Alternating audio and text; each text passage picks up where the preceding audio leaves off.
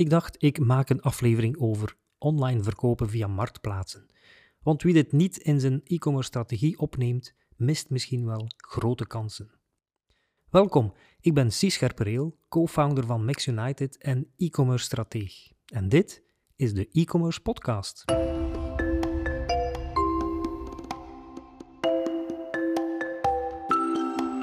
Ik heb het thema marktplaatsen verdeeld over twee afleveringen. In een andere aflevering heb ik het specifiek over het mooie project van Decathlon. Een belangrijke nieuwe marktplaats waar we in België best heel trots mogen op zijn. Je luistert nu naar het eerste deel, waarin ik praat met mensen die weten waar de klepel hangt bij bol.com en Amazon. Als je het echt wil schalen en ook winstgevend maken, dan moet je mikken op schaal en dan moet je mikken op automatisatie. Tom Charle is een marktplaatsexpert. Hij startte als werknemer in 2014 met het verkopen van binnenhuistextiel op Amazon in Duitsland en later ook op bol.com. Aldoende leerde hij de knepen van het vak en evolueerde hij mee met de aanpassingen en de mogelijkheden die er intussen in sneltreinvaart zijn bijgekomen. Hij kan dus als geen ander het verschil schetsen tussen de pionierstijd en vandaag. Het grootste verschil is echt het aanbod vandaag. Destijds kon je nog met een, ik ga zeggen, een vrij standaard product, een basisproduct, dan was je, ik ga niet zeggen de enige, maar uh, het, aanbod was, was vrij beperkt. Vandaag, voor bepaalde ja, commodities, is er al heel breed aanbod en heeft het ook geen zin meer om standaard glazen, um, gewone potten of pannen, ik zou daar niet meer mee starten. Maar het blijft wel een groeiende markt. Maar je moet wel uh, aan de basis goed nadenken over welke producten hebben vandaag nog uh, ja, zin. Uh, ik kijk dan eigenlijk bijna naar niches. U noemt het daar niches. Is dat een belangrijke evolutie in de marktplaatsenwereld? Hè? Dat er niche-marktplaatsen ontstaan? Maar we zien ook heel veel retailers uh, ja, vervellen naar een marktplaats. Hè? Ja, klopt. Zeker sinds, sinds COVID uh, merk je dat er heel veel retailers ook wel uh, het marktplaatstraject ingeslaan zijn. Er zijn een aantal mooie voorbeelden van niche-marktplaatsen. Ik denk aan Mano Mano. In Frankrijk en de UK is dat een heel grote marktplaats voor DIY. Maar er zijn helaas ook wel veel voorbeelden van retailers of niche-marktplaatsen die wel opgestart zijn, maar die in de realiteit qua omzet ja, heel beperkt zijn en waarbij dat de input versus de output niet in, niet in verhouding staat. We hebben in Vlaanderen niet de cultuur van marktplaatsen en ook de reflex om snel naar het buitenland te lonken zit niet standaard in ons DNA. Hoe kunnen we marktplaatsen strategisch en internationaal inzetten? Het gaat twee richtingen uit. Soms is het een push-strategie, waarbij dat um, bedrijven en merken zeggen, wij zitten nog niet in een bepaald land en wij willen daar snel en makkelijk een aanwezigheid hebben. Kan dat via marktplaatsen. Soms is het ook een poolstrategie, waarbij dat mensen zeggen, ja, we zijn vrij succesvol in uh, Duitsland, maar we zijn daar zelf nog niet online actief. Om daar een webshop te gaan starten kan soms veel uh, werk zijn, zonder lokale kennis. Maar via een Amazon of een Otto kan je daar heel snel opgestart geraken en ook tractie aan. Raad je soms eens af om op marktplaatsen te verkopen? Meer en meer. Nee, ja, afraden. Um, wij proberen zeker in het begin um, heel kritisch beeld te schetsen en echt zeggen aan mensen van kijk, het is niet wat je ervan misschien al uh, gelezen hebt of, of dat wat je denkt of gehoord hebt. Er zijn heel veel aspecten die heel belangrijk zijn om te kunnen slagen en het wordt ook altijd maar ja, moeilijker en moeilijker. De markt wordt matuurder, dus uh, ze zitten meer te wachten op uw product. De kansen zijn kleiner en kleiner, dus weet echt wel waar je aan begint. En wij proberen eigenlijk eerder een kritisch beeld te schetsen en als de klant dan nog steeds zegt van oké, um, ik ben bereid om het werk erin te steken, dan gaan we met veel plezier helpen. Uh, maar ik vergelijk het vaak een beetje met het trainen voor een wedstrijd. Vroeger kon je zeggen, ja, ik train voor een 5 of 10 kilometer loop. Ja, nu is het toch al een marathon aan het worden waar dat je moet vertrainen. En als je niet wilt dagelijks een training in plan, dan raad ik het u af om gewoon in te schrijven voor de wedstrijd. Adviseren jullie dan om, om stap voor stap een aanbod, starten met een beperkt aanbod of, of één land per keer, om zo te groeien qua maturiteit? Of zeg je nee, all the way van op dag één? Uh, wij raden de mensen altijd heel veel aan om te starten vanuit de data. En echt te gaan kijken, oké, welke producten, welke markten uh, vindt u, ja, waar is er veel vraag, weinig aanbod, waar valt de concurrentie misschien net iets beter mee? Ga niet uit van een buikgevoel, maar ga uit van een analyse. Dat is ook voor ons altijd stap 1. We gaan echt een, een, research gaan doen, heel open gaan zeggen van kijk, dit is wat wij zien, dit is hoe dat wij het zien, aftoetsen van kan je dit bevestigen? Herken je dat misschien vanuit fysieke retail? En pas vanuit die data gaan we starten. Kan je succesvol zijn met één of twee of vijf producten? Of heb je echt een, een groot aanbod nodig om uh, een vorm van succes te boeken? een groot aanbod is zeker geen must. Integendeel, het kan op een bepaald moment zelfs tegen u gaan werken. Uh, als je echt een catalogus hebt van 10, 15.000 producten, um, dan zie je op, de, op, het bos door de bomen niet meer. Um, ja, één product, het kan natuurlijk, maar ja, dan, dan beperkt je kansen wel heel veel. Dus wij zien toch altijd wel dat er een mix is van een 10, 20, 30 producten die echt het zeer goed doen. Maar een absoluut gamma van, van meer dan 100 of 200 producten is zeker niet nodig. En adviseer je ook van, uh, ja kijk, dit product gaat het beter doen, dit product moet je iets afprijzen. Ga je die marge ook mee gaan uh, ja, bijsturen naar je klant toe, naar de ondernemer toe? Want prijs en marge is natuurlijk een, een zeer belangrijk punt. Hè? Ja, klopt. klopt. Um, ja, wij, wij, zien vooral in de praktijk dat het, dat het uh, initieel dus een, een, keuze maken is, een productkeuze, een selectie van het assortiment. En dan is het constant gaan kijken en waar nodig gaan bijsturen. En er is heel veel data, het is live data. Dus uh, wij zeggen altijd van ja, de, de, de proof is in, in the eating. Je kan heel veel op voorhand bekijken en dat moet je doen. Maar dan moet je op een bepaald moment ook wel zeggen, oké, nu gaan we ervoor, nu gaan we echt starten. Um, en dan gaan we gaan kijken van ja, wat is die prijssensitiviteit? Waar kunnen we gaan schuiven? Wat kunnen we precies gaan doen? je kan echt trackers gaan zetten op concurrenten, je kan je prijzen laten aanpassen. Um, nu, vaak merken wij, en daar laten wij dan hier onze klanten in de lead, vaak merken wij dat dat niet de hoofdstrategie is van onze klant. Klanten willen geen prijzenoorlog veroorzaken. Klanten willen niet dat dat product vandaag plots 10% goedkoper of duurder is. Dus wij zijn persoonlijk geen vragende partij om, om echt heel veel met die prijzen te gaan uh, schuiven. Wij zijn eigenlijk perfect akkoord om, om gewoon een constante prijspolitiek te bewaren en daar niet te ver in te gaan. Het kadert natuurlijk in het behalen van die koopknop of het koopvak. Dat principe geldt bij elke marktplaats? Het principe van, van inderdaad de koopknop of de buybox dat geldt overal, maar dat omzeil je perfect als je de enige verkoper bent. Dus als jij als merkeigenaar de enige bent die jouw producten aanbiedt op marktplaatsen, dan vervalt de hele buybox-discussie en dan kan je gewoon je prijspositionering doen zoals als je hem in de fysieke retail doet of zoals als je hem wenst te doen voor marktplaatsen en online. En dan ga je gewoon met niemand in concurrentie voor die buybox. Het is belangrijk om unieke producten te verkopen, om niet samen met andere verkopers te moeten strijden voor dat koopvak. Maar niet iedereen is producent en heel vaak zijn er meerdere verkopers van eenzelfde product. Ik belde even met Mike Boon hierover. In 2009 had Mike met kinderenkoning.be al een webshop en ging hij heel snel in meerdere landen en op heel wat verschillende marktplaatsen verkopen.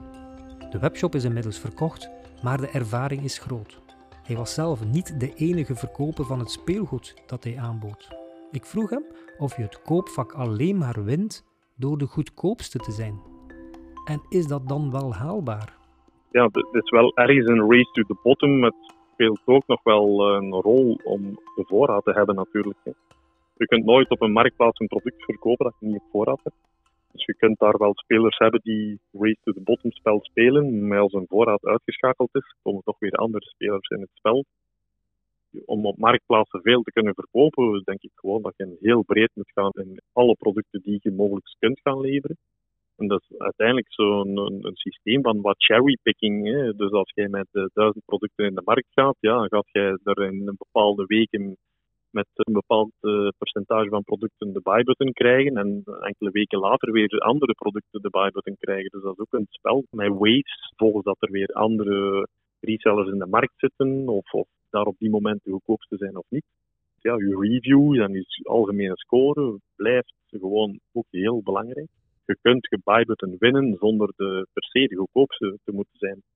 Maar die, die repricing mechanismen die werken effectief wel. We hebben uh, tijdje geleden um, een reprice erop gezet uh, via Channable voor een speelgoedsite, Fairplay. We hebben via de repriser de omzet kunnen vertienvoudigen. Niet dat ik Mike niet geloof, maar ik vraag het meteen eens aan Christophe Tooyen zelf. Merci, goedemorgen. Hey, dag Christophe. Hij startte Fairplace.be tien jaar geleden op als een webshop met duurzaam en speelbaar speelgoed. Sinds zes jaar is Fairplace een verkooppartner bij Bol.com en dat kanaal is vandaag een substantieel deel van de omzet geworden. Maar hoe zit dat nu met die geautomatiseerde aanpassing van de productprijs? wij hadden een plugin voor onze platformen, vooral voor eh, Bol.com die het eigenlijk niet goed genoeg meer deed. En iedereen raadde ons Channable aan. Nu, Channable dat is uh, ja, een pak duurder. Dat gaat bij ons nu over 200 euro per maand. Dat uh, heeft een installatiekost ook. Uh, maar ze garanderen ons ook wel van het gaat werken, niet mee inzetten. Dus uh, wij installeren Channel en tegelijk hebben wij de repricer die daar dan uh, standaard bij zit voor bol.com geactiveerd. Ook echt goed afgesproken wat willen we daarmee, want we willen niet dat elke minuut onze prijzen veranderen. Dat is op onze gewone webshop ook niet. Dus we hebben echt ingesteld alleen de grotere stukken, 100, 150, 200 euro, met een bepaalde vork. Van, we willen daar ook geen verlies op doen. Je draagt ook al een commissie af op bol. Dus, maar er mag een beetje een speling zijn om te proberen het koopblok te halen of toch iets onder onze concurrenten te, te gaan met de prijs. En vanaf dag 1 was dat uh, bingo. Je ziet het effect daarvan binnen enkele uren al. Voor bepaalde artikelen gaat hij dan enkele euro's onder de prijs van uh, andere aanbieders, vooral Nederlandse aanbieders, als ik dat mag zeggen. Ik heb hier de grafiek voor mij, dat, dat gaat echt, uh, ja, echt recht omhoog, stijl omhoog van dag op dag. Je kunt echt in, in de grafieken zien op het moment waar we die repricer hebben opgezet. Maar ik hoor ook dat dat uh, toch wel fijnmazig is ingesteld. Dus je hebt daar een aantal parameters ja, ja. om mee te spelen. Ja, je kunt perfect zeggen, ik wil maar, ik zeg maar iets 3 euro onder de prijs van de concurrent gaan. Ik wil toch maximum zoveel voor dat artikel. We hebben zo een doos bouwblokken, Kapla bouwblokken, die kost dan 75 euro. Uh, als de concurrent zegt, ja, die, die, we gaan die braderen voor 50 euro, dan gaan we daar niet onder naar 49 euro. Dus we zeggen, we willen voor die doos Kapla altijd wel 70 euro, dan gaat hij dat respecteren. Wat er wel is, je kunt op voorhand niet voorspellen op welke artikelen het gaat werken. Je kunt niet zeggen, ik heb drie artikelen waarvan ik er veel gekocht heb of veel stok heb, en die drie wil ik uh, met die reprice verkopen. Dus je moet eigenlijk heel breed op in ons geval toch een, een, ja, een paar honderd producten die repricer instellen. En dan zijn er een twintigtal waarvoor dat werkt, waar de concurrentie iets minder actief mee is, of waar je zelf ja, gewoon echt beter mee scoort. En je moet erbij neerleggen dat dat voor artikelen waar je misschien gehoopt had, dan weer niet is, omdat de concurrent daar ook uh, met de prijs speelt. Dus je kunt niet, niet zo fijnmazig per artikel gaan, maar je kunt wel fijnmazig met de prijs spelen. Deden jullie voorheen dergelijke dingen manueel? Ja, ja, inderdaad. Elke vrijdag dan hadden we een klein meetingsje met een, een drietal mensen en dan keken we naar onze prijzen op bol en naar enkele concurrenten. En dan pasten we die vrijdag uh, zo'n tiental prijzen aan. En dat, dat, we deden dat echt al jaren. Ook onze jobstudenten en stagiairs hadden we dat aangeleerd. Maar ja, dat, vraagt elke vrijdag van een paar mensen een uur werk. Uh, dan kun je zo een tiental prijzen aanpassen. En dan hopen dat dat wat werkt gedurende een week. Want een week daarna is dat effect soms weer al weg. En we zagen daar wel iets van effect van, genoeg om het te doen, maar toch niet uh, wat we nu zien. Dus eigenlijk neemt die, die repricer dat over van ons volautomatisch elk uur van de dag en op alle artikelen. Dus dat is echt zo een bewijs dat automatiseren werkt en ook echt een manuele werk uit je handen neemt. Ja, en zo heb je de vrijdagnamiddagen weer vrij. Om andere dingen te doen. Om andere dingen te doen.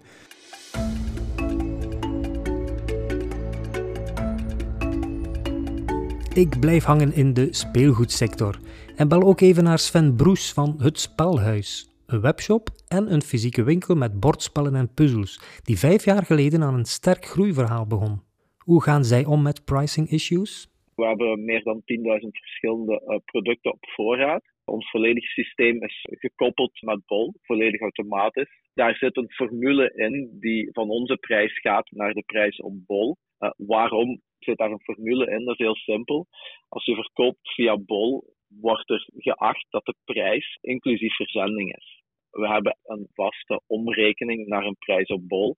We gaan enkel specifiek sturen op producten waar we een groter volume van lopen hebben en waar soms ons koopvak wel wordt aangevallen. En dat moeten we dan een beetje verdedigen. Maar dat is een handvol producten uh, waar we dat nauwer op volgen. Voor de rest is het eigenlijk volledig automatisch. Terug naar Tom Charle. Moeten we automatiseren zoveel we kunnen? Ik denk voor ons marktplaatsen um, zien wij automatisatie zien wij ook echt wel als maak het deel van, van uw IT-ERP-setup. Zie het niet als een standalone verhaal, waarbij je op het einde van elke maand een Excel gaat exporteren en in uh, ERP-systeem moet importeren. Vroeger had je helaas weinig opties. Vandaag bestaan er al echt wel heel wat, wat ERP-systemen die, die kant-en-klare plugins, API's hebben. Um, dus automatisering voor mij is, is heel fel, zorgt dat die flow van, van data, van orders, geautomatiseerd raakt. Absoluut. Ik, uh, ja, dat is een van de basisvoorwaarden om te kunnen groeien. Ik zeg niet om te starten. Starten kan je echt wel lean en mean doen, Um, je kunt heel snel overgaan naar een bepaalde validatie van, van je product, van je, van uw project, zal ik maar zeggen. Maar als je het echt wil schalen en ook winstgevend maken, want het is een volumeverhaal en de marges zijn niet altijd even evident, dan moet je mikken op schaal en dan moet je mikken op automatisatie.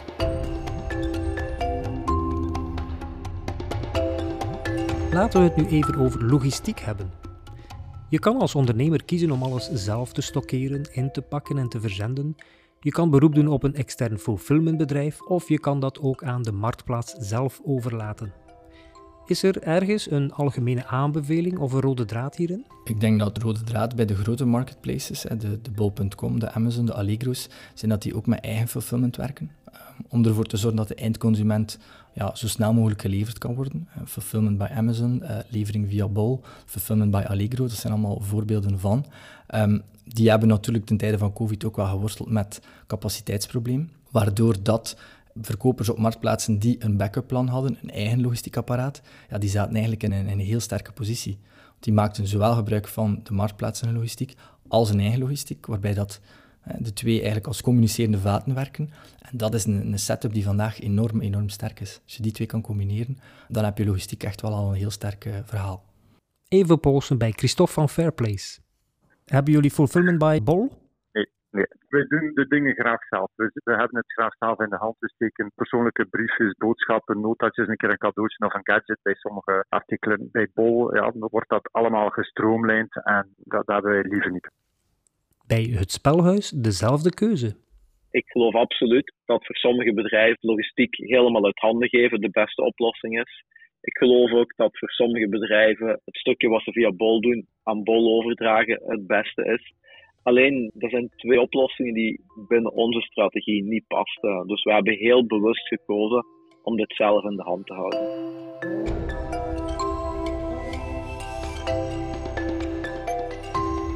Oké, we hadden het al over prijsstrategie, het koopvak en logistiek. Maar er zijn heel veel aspecten die succes bepalen. Ik vroeg Tom Charles waar hij merkt dat ondernemers nog het meeste moeite mee hebben om aan zo'n succesverhaal te bouwen. Ik denk voor, voor iemand die um, klassiek gestart is met een webshop, is natuurlijk de grootste aanpassing. Op een marktplaats is er al traffic. Dus dat is al een zorg minder, uh, is eerste reflectie natuurlijk. Maar aan de andere kant, je bent daar niet alleen. Als, als ik op een webshop ga, ja, dan zit ik op de webshop van het merk. Als ik morgen naar eh, de webshop van Polar ga, ja, dan zie ik daar allemaal modellen van Polar. Maar dat is het ook. Als ik morgen uh, naar Amazon of naar bol.com naar Polars zoek, ja, dan zal er daar waarschijnlijk links, rechts van onder ook wel um, Apple te zien zijn, ook wel um, Garmin en, en noem maar op. Dus dat is een heel andere ingesteldheid, want plots moet je eigenlijk ja, u gaan bewijzen ten opzichte van andere merken, u gaan verdedigen. Zowel op gebied van advertising en defensieve strategieën, offensieve strategieën. Dus het wordt een heel ander speelveld. Ja, je maakt eigenlijk vanzelf een beetje de link naar het volgende topic rond merkidentiteit, merkwaarde. Is het belangrijk dat je een goed, stevig gekend merk hebt om op marktplaatsen te verkopen? Of vergelijkt je eigen merk als retailer eigenlijk een klein beetje ten opzichte van het merk van het product? Een mooi merk zijn heeft op marktplaatsen zeker een voordeel. Onbewust voel je als consument, dit is niet gewoon een eendagsvlieg of een eendagsmerk. Dit is echt wel een, een, merk met een bepaalde historiek. Het is een troef. Natuurlijk, het is niet zomaar iets waar dat je kan opteren. Het is niet enkel een merk zijn die u gaat helpen om op marktplaatsen succesvol te zijn. Is daar een evolutie in dat marktplaatsen meer aandacht besteden aan de presentatie van een merk? Ik denk dat er net een evolutie komt in de merken zelf, die beseffen dat zij meer tijd en energie moeten steken in eh, hun visibiliteit op marktplaatsen en hun branding.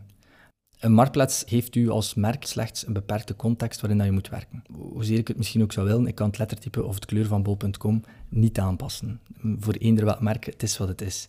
Maar als je genoeg tijd neemt, zie je wel van oké, ik heb hier zeven foto's ter beschikking. De eerste foto moet op een witte achtergrond zijn, maar de tweede foto, daar zijn er geen vaste regels voor. Als je daar je branding wilt op loslaten, go ahead, doen zou ik zelf zeggen. En dat is net aan het gebeuren bij die merken. Die merken zijn aan het beseffen van, hey, er zijn hier best wel een aantal tools ter beschikking waar we wel ons ding kunnen doen binnen het kader van de marktplaats. Laten we dat ten volle gebruiken om onze branding naar voren te brengen. Een heel concreet voorbeeld zijn gewoon de, de foto's, de brandstores, de A-pagina's, zowel op Amazon als op bol.com. Die kan je volledig vormen naar je eigen beeld. En als merk heb je dan zelfs nog een extra tool. Je kan dan merkregistratie, merkeigenaarschap uh, noemt dat nu op bol.com. Die kan je gaan toepassen om ervoor te zorgen dat jouw content, jouw foto's niet overschreven worden. Waardoor dat alle tijd en moeite die daar origineel insteekt, die gaat ook effectief behouden blijven en die gaat niet door een andere seller overschreven worden. Wat is een A-pagina? Um, ja, enhanced brand content, eigenlijk komt dat erop neer, een verlengde productpagina. Dus je hebt een basisinfo, een basisproductpagina. En als je merkeigenaar bent, dan kan je die pagina bij het scrollen naar beneden verlengen met extra velden. En daar kan je extra foto's en informatie aan, uh, aan toevoegen. Ben je eigenaar van een merk of is je merk geregistreerd, dan kan je gebruik maken van extra tools die helpen om je merkverhaal te brengen. Voor Fairplay was duurzaamheid al van dag 1 het speerpunt. En die waardepropositie die blijft vandaag meer dan ooit overeind, ook op bol.com. Als ik dat mag zeggen, bij Bol, en ik geloof het ook bij Decathlon, dat het de gehele marktplaats duurzamer maakt. En dan heb je toch ook wel een stukje van de doelstelling bereikt. Bol heeft bijvoorbeeld nu al in zijn speelgoedcatalogen al twee jaar echt labels voor duurzaam speelgoed. Hij heeft al eens een influencercampagne gedaan, specifiek op duurzame artikelen. Een van de drie kerndoelstellingen vorig jaar bij speelgoed was duurzamer worden. En als zo'n marktplaats dat dan doet op alle speelgoed in de markt, ja, dan is dat effect eigenlijk veel groter dan dat wij dat alleen in onze webshop aan Fairplay doen. Dus dat is een beetje mijn overtuiging wel.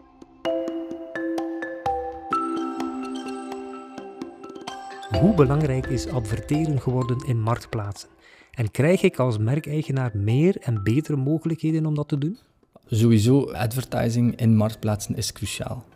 Um, het is helaas heel moeilijk geworden om zonder iets van advertising uw product eh, zichtbaar te maken naar de buitenwereld toe.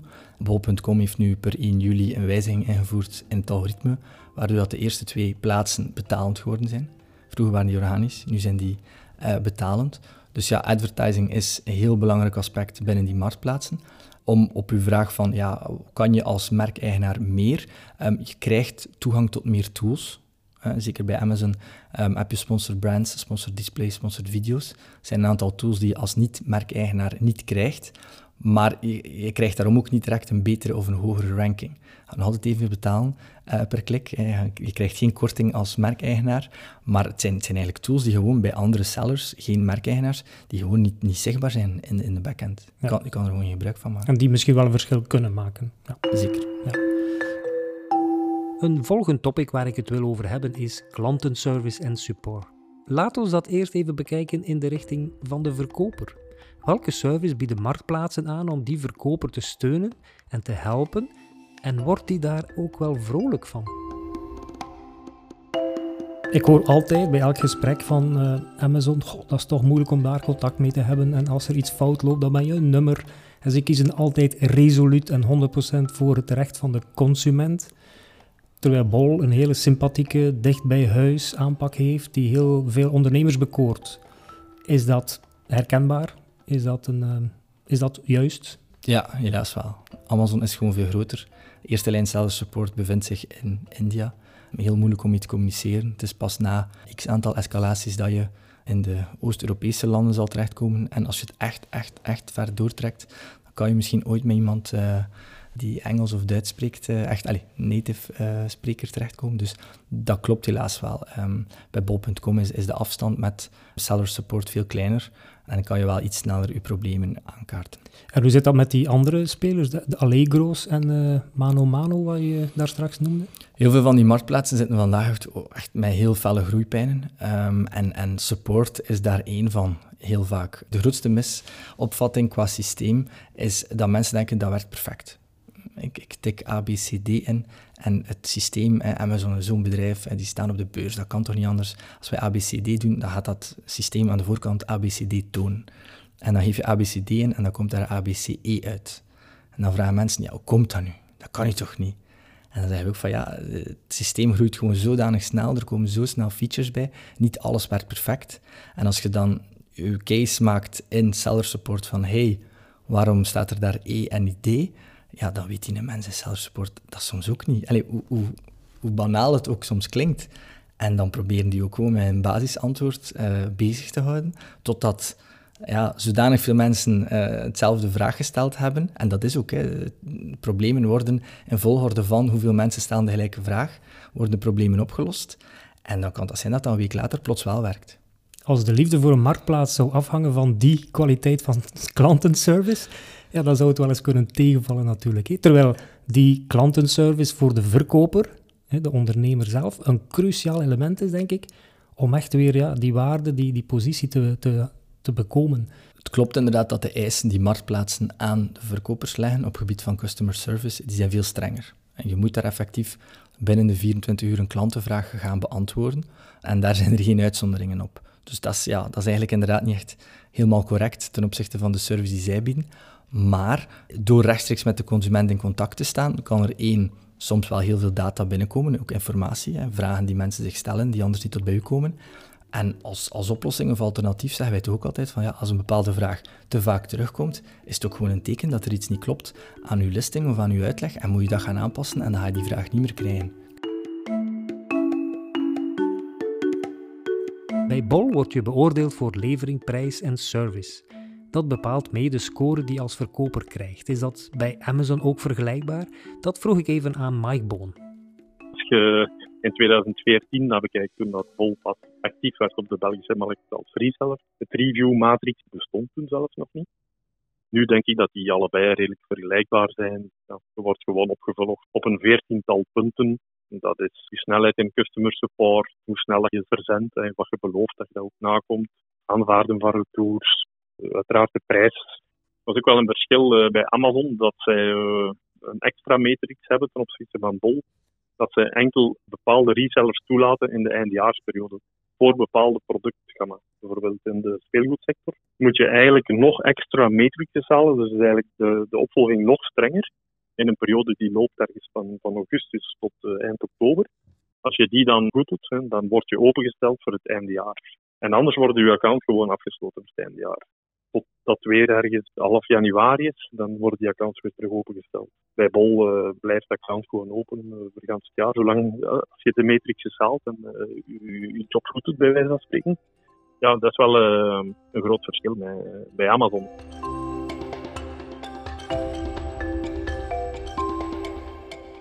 online verkopen op marktplaatsen zoals Bol of Amazon kan je als seller of als vendor. Een seller is een verkoper die de producten naar de consument stuurt, vanuit eigen logistiek of vanuit de logistiek van de marktplaats, zoals eerder besproken. Die seller die verkoopt dus zelf rechtstreeks aan de consument. Een vendor is een bedrijf of een merk dat de producten verkoopt aan de marktplaats om een vendor te zijn op Amazon, dan moet je voor uitgenodigd worden. Hè? Dat klopt, hè? Ja, klopt. Amazon is dan een klant waar je paletten van je producten uh, naartoe stuurt, die daaraan gestockeerd worden. Ik hoor vaak dat er producten terugkomen, wat de stockageplaats niet beschikbaar is enzovoort. Is dat iets wat je ook wel eens tegenkomt? Is dat zijn dat rumors of is dat allemaal dagelijkse kost? De moeilijkheid is vaak dat die verhalen tussen vendor en seller door elkaar lopen. En bepaalde mensen vertellen een verhaal en ze zeggen we zijn vendor. En dan als je dieper gaat gaan graven, dan blijkt het eigenlijk seller te zijn. Dus de moeilijkheid bij die rumors is altijd van ja, vanuit welk standpunt is het? Eh, het is een feit, als je een vendor, als je een B2B-relatie hebt met een Bol of met een Amazon, krijg je bulkorders. Die stuur je één keer naar de marktplaats. Maar het grote nadeel daarbij is, de marktplaats bepaalt finaal wel de eindverkoopprijs. Want in een B2B-relatie heb je een aan- en een verkoopprijs, maar ik ben klant, dus ik verkoop het door. Ik bepaal zelf de verkoopprijs. En die controle uit handen geven, dat is toch iets ja, waar je als, als merk best wel voorzichtig wil mee omspringen. En daarom zetten heel veel mensen de stap naar een sellermodel, waarbij dat ze ook verkopen rechtstreeks wel aan de eindconsument. En vandaag zijn heel veel logistieke aspecten. Hè, zijn de, ja, ik moet dan plots naar, naar, naar honderden consumenten sturen. Die worden gecounterd door de logistiek van de marktplaats zelf. Dus voordeel voor de marktplaats is niet alleen hun logistiek apparaat wordt gebruikt, maar die goederen liggen daar in consignatie. Terwijl als, als vendor, ik ben een marktplaats, ik koop aan bij u, ik koop 100 stuks aan. Die 100 stuks staan wel in mijn voorraad. En als die 100 stuks niet roteren, ja, wat ga ik doen? Ik ga die prijs laten zakken. En hoe kan dat product beter roteren? Door, door betere foto's. Maar wie gaat er die betere foto's aanleveren? Dat is, dat is de verkoper, dat is het merk. Ja, maar als het merk betere foto's moet aanleveren, waarom zijn ze dan geen seller? Want dat moeten ze ook doen. Dus meer en meer merken beginnen te zien van, hey, ja oké, we krijgen wel bulkorders, maar we kunnen eigenlijk evenveel verkopen als seller, met het grote voordeel van prijscontrole. En daarom zetten veel merken veel bedrijven de stap naar een sellerverhaal, waarbij dat het logistiek toch minder zwaar is dan gevreesd, en de voordelen van merkcontrole en prijscontrole blijven staan.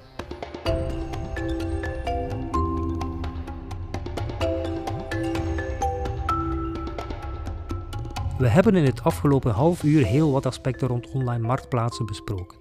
We hadden het over het koopvak winnen, over logistiek, over de rol als seller of als vendor, over klantenservice en de score als verkoper die daaraan vasthangt, over het belang van een sterk merk en we hoorden ook een pleidooi, een sterk pleidooi voor automatisatie. Nog één aspect om af te sluiten. Data. Ja, die data, dat klompje goud, is eigenlijk in handen van de marktplaats. Heb je het gevoel dat die ondernemers zelf voldoende data terugkrijgen? Het klopt, de data is uiteindelijk, de consument is nooit finaal van jou.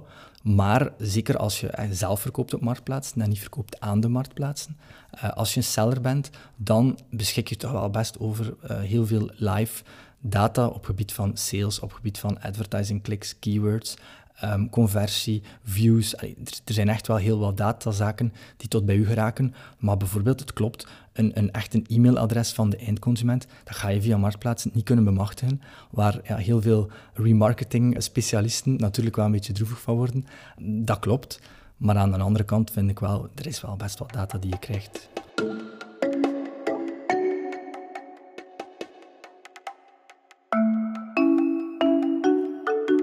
Tom, heb je een gouden tip. Wat zou dat dan zijn in uw lijstje van uh, tips en tricks? Ja, vaak eh, vragen mensen van, ja, wat is dan hetgene wat, wat ik goed moet doen? En dan is het antwoord, ja, het spijt mij, maar er zijn zoveel factoren die allemaal moeten kloppen vooraleer dat, dat je echt succesvol gaat zijn. Dus dat is vaak de ontgoocheling bij de mensen van, ja, we doen dat, we doen dat, we doen dat. En waarom lukt het niet? Ja, je doet dat en dat nog niet juist. Dus het is echt wel een, een samenspel van factoren maar misschien ja, de houden tip of de belangrijkste tip is gewoon van blijf in stok. Voorraad hebben. Ja, klinkt zo makkelijk. Er zijn zoveel mensen die, die initieel denken, oké, ja, de, in stok blijven, dat zal niet het grootste probleem zijn. En ze gaan direct over naar de andere zaken. Dan zijn, we, dan zijn we gestart, dan zijn we aan het verkopen. En dan blijkt uiteindelijk toch dat in stok blijven het moeilijkste van allemaal te zijn. Verkopen via marktplaatsen is topsport. Een dag niet trainen maakt je zwakker voor de wedstrijd. Achteroverleunen is dus geen optie. Bedankt Christophe, Mike, Sven en Tom om jullie inzichten met ons te delen. We hadden het in dit eerste deel rond marktplaatsen vooral over bol.com en Amazon. In een volgende aflevering gaan we het enkel over Decathlon hebben, samen met Win Mathieuus en ook met Pieter van de Wielen van Pierre Sports, een jonge starter die zijn kurken yogamatten via het partnership met Decathlon intussen in 13 landen verkoopt. Nog een dikke merci aan Molly en Bpost om de e-commerce podcast te ondersteunen. Heb jij als ondernemer bepaalde e-commerce uitdagingen? Aarzel dan niet om me te contacteren via cis.maxunited.be of neem gewoon een kijkje op onze website maxunited.be.